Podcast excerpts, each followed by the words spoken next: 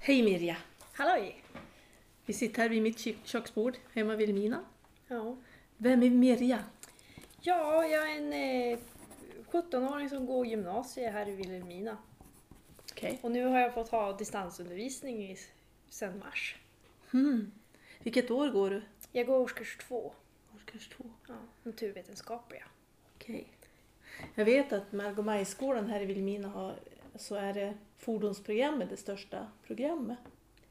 Ja, vi är en ganska liten klass vi i natur, eh, naturvetenskap. Jag tror vi är sex stycken. Så det är lite olika klasser. Alltså det är stor skillnad på vi och andra klasser som är kanske 20 personer. Ja.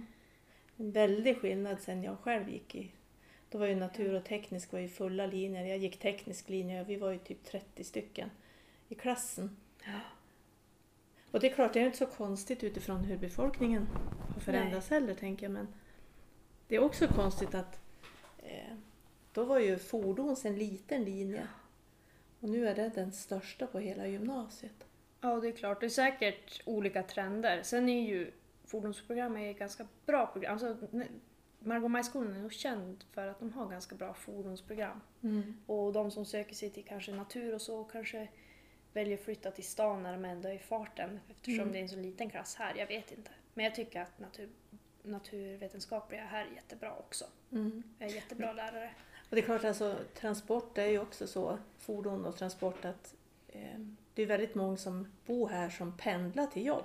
Det är väl ungefär en tredjedel av de som jobbar som pendlar till jobb i, ja, uppe i Norge och Svappavaara Ja. och Norrbotten och gruvor och vindkraftsparksbyggen och Förbifart Stockholm och allt vad det heter. Ja men precis, det finns ju mycket fler jobb om du går fordon som du kan stanna här. Alltså man tänker på så här rak arm, när, i alla fall nu när vi gick i nian och funderade på vad vi ska gå. Då visste man ju om fler jobb eh, som man kunde få när man gick fordon än vad man tänker att man kan få om man läser något teoretiskt program. Eftersom man hör inte om de jobben lika ofta. Det finns inte lika många som har högskoleutbildning till exempel. Så då tänker man inte att det är ett alternativ tror jag. Ja. Och att man kanske inte har någon i sin närhet heller som har högskoleutbildning. Nej men precis. Jag tror inte att jag hade kanske vågat söka om det inte var så att, ja, men, att mina föräldrar faktiskt hade varit till universitet och så. Jag tror inte jag hade vågat. Det hade nog känts läskigt att vara den första i familjen som söker sig till något sånt där. Mm. Ja, jo, det, det är ju så.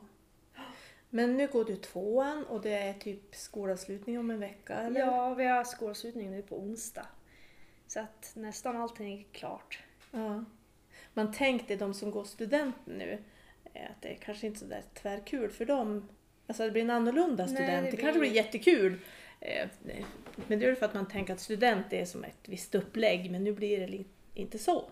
Det Ja, vi har pratat om det nu, eh, vi i klassen, att vi är ganska glada över att vi går ut nästa år. För vi har tänkt att ja, men man har ju sett fram emot det väldigt länge. Alltså, speciellt så vet jag ju hur länge treorna har liksom laddat inför, ja, men inför studenten och de har kollat på klänningar och kostymer och allt möjligt. Och sen så får de gå ut på parkeringen liksom och ta på sig en mössa. Det blir inte samma sak som föregående år då vi har haft liksom stora avslutningar och så här. Ja men hela skolan och så. Det blir ju en helt annan grej i år. Att jag ville prata med dig det var för att jag lyssnade på radions P4, Radio Mm. Västerbotten, där du var med och pratade just om det här en, omkring att läsa på distans, alltså att göra det här digitalt. För att jag tror ju att eh, det vi har upplevt de här senaste månaderna, två månaderna, att det har kommit att förändra vårt sätt att agera framåt. I mitt jobb så reser jag ju vanligtvis väldigt mycket och nu har jag inte varit någonstans på ja, Ja. två månader. Och just där hur, och jag, också det här att jag själv tjatar alltid i, i politiska sammanhang om att vi ska ha digitala möten. Jag känner sån här tjatiga inlandsmänniskan som Ja. bara tycker att vi ska ha digitala möten istället för att resa. Men att nu är vi där.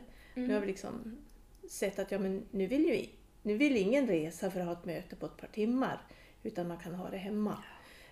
Och då tänkte jag, när- du pratade i den här intervjun så tycker jag att ja, men hur, kommer, hur, hur ser det ut just nu? Alltså, hur ser det ut just nu i din skoldag? ja, i min skoldag just nu då har vi ju, vi är ju liksom hemifrån, alltså vi jobbar ju hemifrån väldigt mycket. vi har ju, vi har ju samma schema som vi hade innan skolan bör, blev digital. Men då är det att vi kopplar till våra lärare och har lektionerna med dem istället. Och ibland får vi uppgifter som vi kan göra på valfri tid och så sen så att vi får närvaro på samma sätt men att vi kan jobba kanske en timme när det passar oss istället för... Så det varierar lite. Så att ibland har vi strikt schemalagt och ibland har vi fritt. Men, Och ja. Men hur funkar det då? Alltså, eh, ser ni varann eller? Ja, vi brukar mötas. Det finns ju, eh, vi brukar mötas vid eh, liksom olika mm, eh, mötes, alltså olika möten på internet. Vi brukar använda det här Google-plattformar och så. Så att då kan vi se varann och ha grupparbeten och så. Men det är klart, det har blivit mycket individuellt nu. Det är inte samma sak som att sitta i ett klassrum. För då kanske Mm. du säger någonting som du kanske inte vill säga om du sitter i ett möte. För då måste du ju som slå på micken och du är den enda som pratar. Det blir inte lika naturligt som eh, om du är liksom eh, i ett klassrum. Så det har väl varit den svåraste biten, den här delen med att du inte är i din klass. Mm. Och det känns lite jobbigare att prata med lärare men då har det ju funnits Ja, men man kan ju skicka meddelanden till lärarna och så, så då har man ju kunnat få svar på det sättet och det är ju också bra. För Mm. de som kanske inte hade vågat ställa frågor i klassrummet, om man bara hade varit i klassrummet, de kanske vågar ställa fler frågor nu när de kan göra det utan att någon annan ser. Mm. Men, men vad tror alltså för din egen del, vad har varit fördel och vad har varit nackdel? Ja, alltså jag har tyckt att det har varit bra att man inte behövt åka buss. Jag bor ju inte i Vilhelmina och det är ju många som inte gör det. Alltså, vi är ju en väldigt gles bit av som Sverige. Det är ett stort land och många, alltså det är ju, skolan är ju som anpassad efter att man bor där man går i skola. Men det är inte så det ser ut idag. Speciellt inte i och med att det är fler och fler liksom, byaskolor och sånt som läggs ner. Eh, så att det blir ju långa, det blir ju långa transporter till skolan. Och det tycker jag har varit skönt att slippa.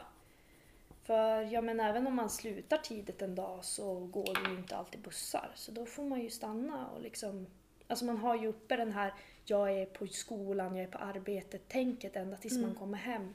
Och det blir ju alltid från att man stiger på bussen på morgonen till att, att man kommer hem. I alla fall för mig. Så det har varit, det har minskat stressen. Jag har liksom känt att jag har fått mer fritid och så. Du har egentligen varit i skolan mer tid Ja, från det du kliver på bussen mentalt hemma tills ja du kliver bussen mentalt. Även om jag inte gjort något arbete så har det ju varit liksom, man är igång, man är liksom jag menar, man är på väg till jobbet helt enkelt. Alltså Mm. det blir ju den man börjar tänka på, vad ska jag göra nu på skolan? Och man, ja, man Mm. måste som vara igång. För jag tänkte också, eh, ja hos oss då i Vilhelmina så är det ju elever från Åsele, Dorotea. eh, Ja, Ja, de reser ju, många reser ju lång, väldigt långt. ja, alltså jag, länge i tid. Ja, jag har ju kommit lindrigt un- undan det jag tänker har varit jobbigast. Alltså inte bara för de Åsele och Dorotea utan också de som bor ännu högre upp i kommunen, alltså uppe i fjäll, alltså uppe i fjällbyarna och det. Det måste ju vara väldigt tufft för vanligtvis får ju de bo borta under veckorna. Ehm, och då har det ju helt plötsligt blivit möjligt, i alla fall för de som jobbar teoretiskt. Det har blivit problem med de, för de som måste göra praktiska saker, för de måste ju ändå vara ner och göra vissa saker vissa Mm. dagar. Men jag tror att fler har kunnat vara hemma. Jag vet i alla fall att vissa har kunnat fara hem. Men då tänker man så här, men kom skolan till att förändras då? Alltså kommer man Ja. till att lägga om och säga att ja men okej, vi kan ha, vi är i skolan fysiskt eh, två dagar i veckan eller vi är i skolan fysiskt eh, en dag i veckan. Ja, vi har börjat tänka och titta på det där. Jag vet att vi har börjat prata, vi elever i alla fall, att vi skulle vilja ha möjligheten. För det har inte varit så kul nu för alla att man har behövt, alltså att det varit måste att man måste vara borta från skolan. För det är vissa som inte trivs med det, men det är många som ändå vill ha distansundervisning. Så man börjar prata om att i alla fall en dag i veckan ska kunna vara på distans, vet jag att vi har som önskemål. Men det gäller ju, det blir ju ganska svårt att ordna tror jag. För, alltså, nu handlar det ju bara om hur man ska få till det, liksom schemaläggning, om man har lärare nog och att man kan lägga om. För det blir ju, lärarna måste ju göra om. Jag vet Mm. att vi har pratat om det där precis idag på skolan. För att vi Mm. har velat, vi har sagt att vi vill gärna ha distansundervisning. Men jag tror absolut att det här att vi behövt prova på det har liksom skyndat på den här processen. Mm. För vi har pratat om det innan på skolan så har elever sagt ja men kan inte vi få jobba hemifrån och få närvaro och så. Och det har varit krångligt att få till för att det har inte som ja men lärare är ovana, det är ju som läskigt att vara ute på internet när man aldrig har gjort sånt förut. Mm. Ehm, I alla fall i den här omsättningen, alltså i den här skalan. Men eh, det har, den här processen har gjort att jag tror att inga lärare tycker längre att det är ett så stort problem att jobba med det. Mm. I alla fall är alla bekanta med det. Så det finns en mycket större chans för att vi kan få lite distansundervisning nu i alla fall. Jag tänker också på de här inlandsskolorna i, har ju stora problem utifrån att eh, antalet elever sjunker ju. Mhm. Eh, utifrån att ja, befolk vi har inte nog med 16-åringar helt Nej, enkelt. Det är precis. tillräckligt med, det är tillräckligt med, med de flesta äldre. Och det är ju samma sak i Arjeplog, i Arvidsjaur, i Lycksele, i Storuman, hos oss i Strömsund. Ja, alla de här gymnasieorterna vi har i inlandet. Och då tänkte man, ja men skulle det kunna vara möjligt att man, man läste gymnasieskolan eh, inland och sen läste man distans och sen åkte man iväg till den skolan som hade den, den inriktningen och gjorde sina Ja. ja, fysiskt närvarande grejer. Ja, vilken kul idé! Mm. Ja, ja kanske i framtiden. Jag tror inte det händer till nästa år. Men alltså det är absolut, alltså, jag har suttit och funderat på det där själv också. Alltså, ehm, vi är ju ganska många skolor men med väldigt få elever. Men det är ju klart, det går ju inte att liksom slå ihop några skolor just nu för det är ju det är ju så långa avstånd. Mm. Eh, men eh, ja, jag vet inte riktigt. Det kanske är så här någonting för framtiden. Ja.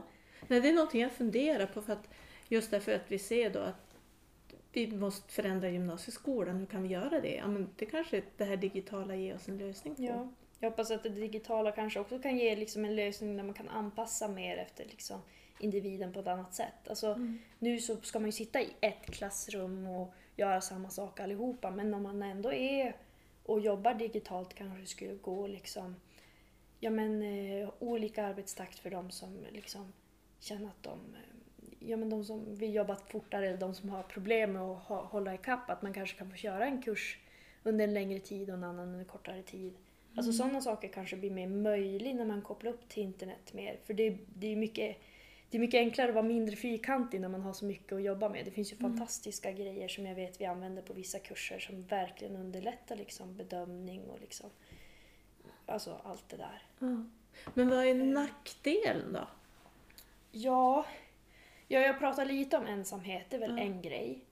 Sen så är det ju vissa saker är fruktansvärt svåra att göra om man inte är på plats. Alltså, eh, jag som jobb, eh, går natur, jag har ju inte så mycket som inte är teoretiskt. Jag har ju vissa praktiska saker fortfarande. Jag menar vi ska göra laborationer och vissa undersökningar och så. Det har varit svårt. Men också sådana saker som matte och fysik där du liksom behöver, där du ofta behöver mycket feedback med din lärare. Alltså det, det är klart man kan få förklaringar på internet också men jag känner att eftersom jag har lärt mig att lära mig matte med en lärare omkring mig hela mitt liv så blir det helt plötsligt svårt när det inte är någon där och kan hjälpa mig.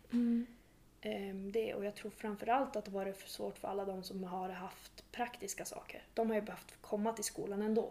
Och då kan det ju vara så här att de har någonting praktiskt varje dag. Då har de behövt komma in men de har ju ändå men de har ju inte haft några andra lektioner förutom de praktiska.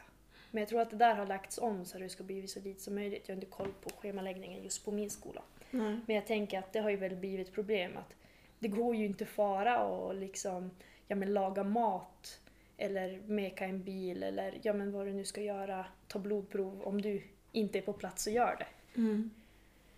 Eh, Det går ju inte. Nej, och det är klart det är knepigt att få till arbetsdagen när viss del är fysiskt på plats och viss är digital. Att det kan Ja. bli knepigt att få till det. Som vi har ju fått så att då de dagar vi ska ha praktiskt, för vi har så få, få gånger vi ska ha det, då har vi kunnat lagt allting på en dag så att vi har täckt flera veckor. Eh, och det har ju funkat ganska bra. Men, eh, men det blir nog svårare för de som ska ha det mycket oftare. Mm. Men nu är det en diskussion i din, i din klass och med andra i skolan om, om hur det här kommer att påverka framåt. Ja, jag tror det. Alltså det för oss som eh, har haft mindre problem med distansundervisning har det varit så här, åh, vi vill verkligen ha det igen. Eh, och för de som inte tycker att det har varit, alltså som har haft problem med det, alltså det beror ju på hur liksom, den här undervisningen passar dig, eh, vill ju verkligen inte ha det igen. Mm. Så att jag förstår ju, alltså det vore ju fantastiskt om det fanns tillgängligt för de som vill. För för vissa är det verkligen, alltså det minskar stress och det liksom förbe- har förbätt, alltså, gjort enklare att arbeta och så. Eh, och för andra har det ju varit tvärtom. Eh, Mm. Så det vore ju bra att det fanns men inte ett måste som det är just nu på grund av coronan då. Jag tänkte det här med det här med att vara i, i skolan, det är ju också ett, en social press och ett, Ja. eh, hur man ska vara, hur man ska se ut och hur man ska eh, agera och hur man ska... Alltså det, det slipper man. Ja, man Mm. slipper ju det. Alltså för vissa kan det ju vara jättejobbigt att liksom fara på skolan och umgås en hel dag. Och jag tror att det är många som liksom har känt att, ja, men, eh, att det är en påfrestning. Har ju Mm. liksom, då har ju arbetsbördan minskat i, att, i och med att man bara gör skolarbetet Mm. och inte gör en massa därtill. Men sen måste det ju funka hemma och man måste ha bredband och man måste liksom ha inte en massa småsyskon som springer omkring eller alltså man måste ju kunna hitta Ja. en, ha en miljö som funkar. Ja men precis, och det, är ju, det blir ju också lite orättvist. Jag menar har man, det, har man någonting som gör att det är jobbigt att vara hemma, då blir ju helt plötsligt ens förutsättningar sämre. Mm. Så det tror jag var, är ett problem, för att när du är på skolan och allting är fyrkantigt och det inte är så mycket anpassat efter någon, då är det i alla fall rättvist i den mån att alla har ett ställe att vara på, du får skolmat och så vidare. Ja. Eh, Men om du är hemma och du verkligen inte trivs eller ja, men det är någonting som gör att du inte kan jobba. Om du har svårt att koncentrera dig till Mm. exempel, kan ju bara vara en sån där enkel grej. Då blir det ju helt plötsligt, då blir det ju sämre för dig alltså, Mm. i din skolgång. Jag vet att en del kommuner de har gjort så att man har serverat att gymnasieelever har kunnat eh, föra och hämta lunch på sin skola. Men så, jag tror inte att vi har haft det så här. Jag vet faktiskt Ja. inte. Jag vet inte exakt hur det fungerar för jag vet att i början av distansundervisningen var det prat om att ja, men de som bor i grannkommuner till exempel ska kunna skriva upp sig på en lista och eh, ja men vilka vill ha skolmat. Men sen vet jag inte vad som hände för jag skrev inte upp mig på någon lista Mm. så jag är inte säker på vad som hände om det är så att man ska kunna gå till skolkök för de har ju grundskolor. Man har ju grundskolor också i byn där jag bor och uppe i fjällbyarna och det så att det kanske är så att man hade, jag hade fått möjlighet. Men jag vet inte hur det fungerar. Mm. Men jag vet i alla fall att det har varit jobbigt och liksom när man har en timme, 50 minuters planerad lunch så är det svårt att hinna laga någonting och äta det innan det är dags. Och Mm. dags att jobba igen. Så Mm. det har ju varit en sån här grej som jag tror man måste ändra på om man har distansundervisning. Mm. Eh, Så för att det är ju, särskilt om du inte har någonting du kan laga hemma så där så tror jag, jag, jag läste någonting om att gymnasieelever får sämre matvanor. Jag menar, det är klart man kanske bara tar en liksom fryspizza eller någonting och har i mikron. Mm. Och så, det är ju klart, det är inte samma sak som att få liksom balanserad kost med sallad på skolan. Mm. Nej, det är klart det är sånt där också som påverkar. Men det eller så kan man se det som en träning inför arbetslivet, att man får Ja. se till att man har planerat sin, sin lunch. Ja men precis, men då, liksom, då lägger man ju väldigt mycket ansvar. Och, alltså de, ja, det är ju lätt att det blir fel. Mm. Men om du skulle tänka så här, din dröm då för framtiden. Ehm, om du skulle ha liksom makten att kunna påverka något. Mm. Hur skulle det se ut? Alltså jag skulle vilja att, att det skulle vara möjligt för liksom eh, ja, men folk att bo i by fortfarande och kunna gå i skola och få samma utbildning som man får kanske om man, bor, om man går i en bra skola vid kusten. Jag skulle vilja se att skolan är ungefär densamma. Och att man får liksom, ja men till exempel, nu har ju inte vi haft tillgång till musikskola. Det har ju jag tyckt var jättesynd. Eh, och sådana saker skulle ju absolut kanske kunna gör, gå, vara görbara om man har liksom ett digitalt system. Och också liksom, eh, ja men man ska kunna bo i en liten by och kanske kunna möta sin lärare via internet några dagar. Mm. Alltså att man, man som sjuåring kanske inte behöver åka bu- buss i liksom en halvtimme eller en timme för att ta sig till skolan. Mm. För att ja, idag så har man ju avvecklat många byaskolor. eh, Men det kanske inte behöver vara så dyrt att hitta ett system för liksom få undervisning att funka ändå. Mm. Just idag, nu när vi sitter och pratar här, eller om tio minuter ungefär, så presenteras en utredning om skolan där jag har bara hört liksom huvuddragen att eh, det finns ett förslag om att man ska kunna, när det gäller gymnasieskolan, att den ska vara förstatligad men det ska vara ett, ett kommunalt genomförande. Så det blir spännande att se. Ja. och jag tänkte, den kom ju liksom som, den utredningen har ju säkert inte haft, jag har tagit in allt det som har hänt de sista Nej, två månaderna om corona men det blir intressant att se den utredningen. Ja. För det är ju svårt för eh, små kommuner att fixa gymnasieskolan. Nu Ja. har vi ju, i Västerbotten har vi ju, i inlandet har vi ju tre. Mm. Och det är ju fler kommuner men de, så de är ju utan gymnasieskolor men det är väldigt kostsamt för de kommuner som har gymnasieskolorna då. Så det är klart att det blir Ja. Även det- om- Ja, vi, Ja. vi får se vad förslaget Ja, kommer se med. Men det lutar åt det håll du, du pratar om. Ja, jag, jag blir lite så här. Jag är ju ingen expert så jag har ju Mm. egentligen ingen koll så men jag, jag känner att det är ju synd hela tiden att veta och gå på en skola och du känner att hela tiden är liksom ditt program hotat. Du vet att man vill lägga ner hela tiden. Så var det ju när jag gick eh, Ja, men, eh, hela min skolgång har ju varit präglad av det här rädslan för att eh, ja, men kommer vi ha råd nästa år? Kan jag ta en till blyertspenna? Alltså sådana grejer att det finns inte en saker. Liksom. Mm. Att, det är ju klart att jag, jag menar alltså, man, man kan inte få tag på en ny lärobok eller ny fotboll när vi var små. Det liksom, sådana saker har ju varit jobbigt. Liksom. Det är jobbigt även om det, vi har ju väldigt mycket lyx på andra sätt. Alltså, vi bor ju inte i en del av världen med svält och andra hemska saker. Men det är ändå jobbigt att känna att känna den där oron. Bara, Mm. Kommer min tillvaro vara likadan nästa år? Och Mm. liksom, ja, men, kommer de lägga ner min skola nu? Eller ja, hur blir det nästa år? Alltså Mm. den grejen är jobbig att behöva tänka på. Det där tror jag är en nyckel på något sätt för att förstå den press som inlandsbor överlag, men inlandsungdomar lever under. Att man hela tiden är, har känt det här trycket Ja. av att det är besparingar, det är neddragningar, skolan läggs ner, det är förskolor som flyttar. Det är liksom Ja. hela tiden från det man är liten och ända upp i gymnasieskolan då, där man vet att okej, eh, det finns liksom det här samhällstrycket på oss som inlandsbor som inte man har om man bor i ett stad vid kusten. Att det hela tiden är det här att valmöjligheterna är färre, att jag måste liksom välja, ja men vill, vad, vad ska jag välja för att kunna bo kvar när man ska välja till ja, gymnasiet? precis. Alltså, det trycket tror jag påverkas ungdomar mycket mer än vad vi kan föreställa oss. Om man tittar på barn och ungas psykiska hälsa till exempel. Så finns även det där samhällstrycket. Förväntningar, normer, vad, hur ser man på inlandsbon, vad är det för någonting? Så att jag tror att det där Ja. är en, verkligen en nyckel som vi, vi måste våga lyfta på också.